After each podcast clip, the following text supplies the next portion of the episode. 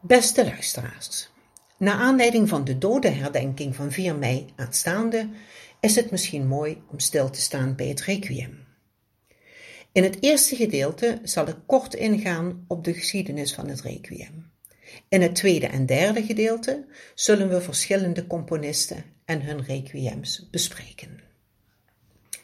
Wanneer je een gemiddelde muziekliefhebber naar zijn favoriete requiems vraagt, dan volgen waarschijnlijk de namen van Berlioz, Verdi, Fauré, Dvorak en misschien nog Duruflé.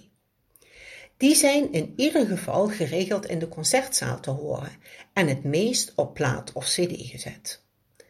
Maar het beroemdste requiem is natuurlijk van Mozart, dat hij in zijn laatste levensjaar componeerde, maar helaas niet heeft kunnen voltooien.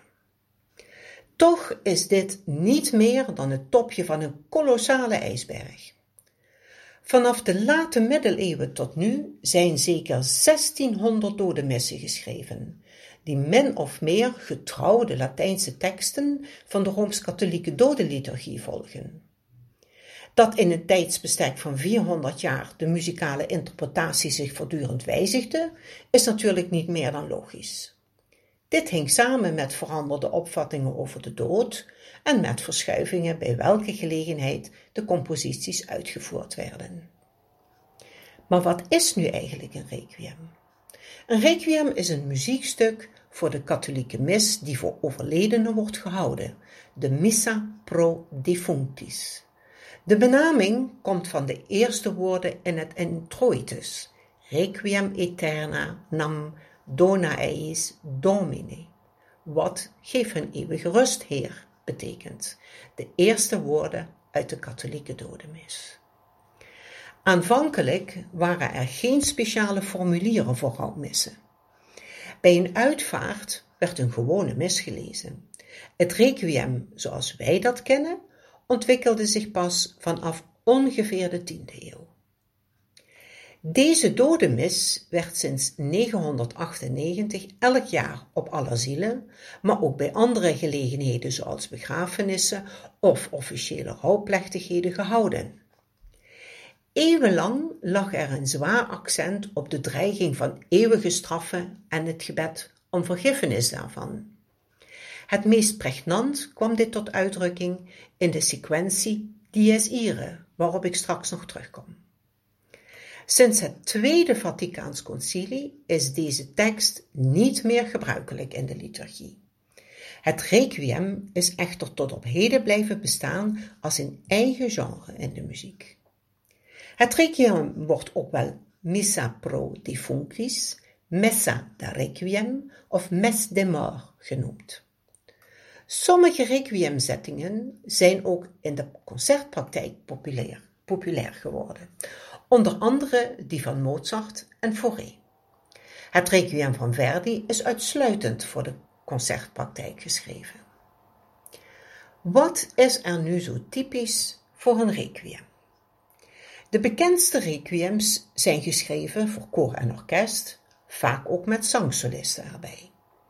De tekst is vrijwel altijd dezelfde en in het Latijn. De sfeer van de muziek is vooral plechtig, maar kan ook groots en wanhopig of juist hoopvol zijn. Uit welke delen bestaat een requiem? Een requiem bestaat uit de volgende dertien vaste delen die in een vaste volgorde staan. Introitus Requiem Aeternam, het Kyrie, het graduale Requiem Aeternam, Tactus Absolve Domine, Sequentia, met onder andere Dies Irae en het Lacrimosa, Offertorium Domine Jesu Christe, Sanctus, Benedictus, Agnus Dei, Communio met Lux Eterna, Pie Jesu, in Paradisum en tenslotte Libera me. Wat is de geschiedenis van het Requiem? Het Requiem als muziekstuk is ontstaan door de gelijknamige mis in de katholieke kerk. Die wordt opgedragen voor de overledene, zodat diens ziel minder tijd in het vagevuur hoeft door te brengen, aldus de katholieke leer. De huidige structuur van het requiem heeft zich in de 14e eeuw gevormd, maar was er eigenlijk al eeuwen. Daarvoor bestond de muziek in de mis alleen uit Gregoriaans gezang, eenstemmige melodieën met een vaste Latijnse tekst. Het eerste meerstemmige requiem was waarschijnlijk van de Vlaamse componist Guillaume Dufay, die leefde van 1397 tot 1474. Een aantal maanden voor zijn dood liet hij in zijn testament optekenen dat twaalf of meer bekwame zangers één dag na mijn begrafenis mijn requiemmis zingen in de kapel van Sint Stephanis in Combray. Het manuscript van dit requiem is niet bewaard gebleven, maar door het testament van Dufay weten we dat het bestaan heeft. Johannes Ockeghem heeft het waarschijnlijk oudst bewaard gebleven requiem gecomponeerd, rond 1460. Sommigen zijn van mening rond 1470. Ockeghem was net als Dufay afkomstig uit de Bourgondische Nederlanden. Uit de periode tot 1600 zijn enkele tientallen andere requiems overgeleverd. De Gregoriaanse melodieën spelen hier nog een grote rol in. Pas na 1600 breekt men met de traditie en leunt men niet meer op de Gregoriaanse muziek, maar kiest men nu voor een emotionelere, barokke muziektaal. In de 17e en 18e eeuw werden de adel en hoogwaardigheidsbekleders opdrachtgevers voor requiem.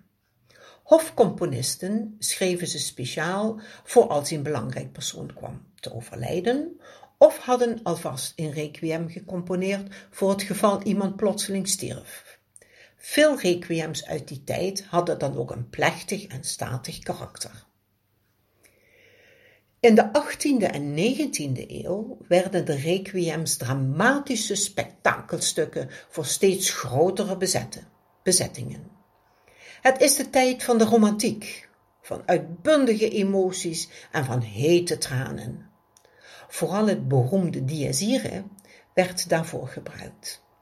Het dies is een lange klaagzang over het dreigende laatste oordeel, de dag van gramschap, onheil en ellende, met verschrikkelijke visioenen van de vlammen van het hellevuur.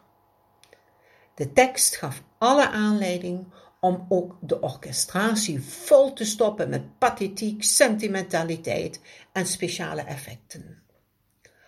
Halverwege de 18e eeuw is de Franse componist François-Joseph Gossec de voorloper van een trend die uiteindelijk zijn hoogtepunt zal vinden in de dodemissen van Berlioz en Verdi, respectievelijk gecomponeerd in 1837 en 1874. Vandaag de dag worden requiems nog steeds opgedragen voor overledenen tijdens een kerkdienst, bijvoorbeeld op Allerzinen, en zijn requiems ook te horen in de concertzaal. Welke zijn de bekendste requiems? Het beroemdste requiem is ongetwijfeld gecomponeerd door Wolfgang Amadeus Mozart. Hij begon eraan in 1791, maar stierf voordat hij het kon voltooien. De meeste andere bekende requiems komen uit de 19e eeuw, zoals die van Fauré, Brahms, Verdi en Duruflé. Brahms gebruikte voor zijn Ein Deutsches Requiem niet de traditionele Latijnse tekst, maar teksten uit het Oude en Nieuwe Testament in het Duits. Hij componeerde het ook niet voor overledenen, maar als troost voor de nabestaanden. Benjamin Britten componeerde zijn niet-liturgische War Requiem voor oorlogsslachtoffers.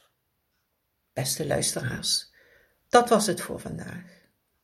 De volgende keer zal ik u vertellen over de requiems van onder andere de volgende componisten: Mozart, Duruflé, Dvorak, Jenkins, Fauré en Verdi.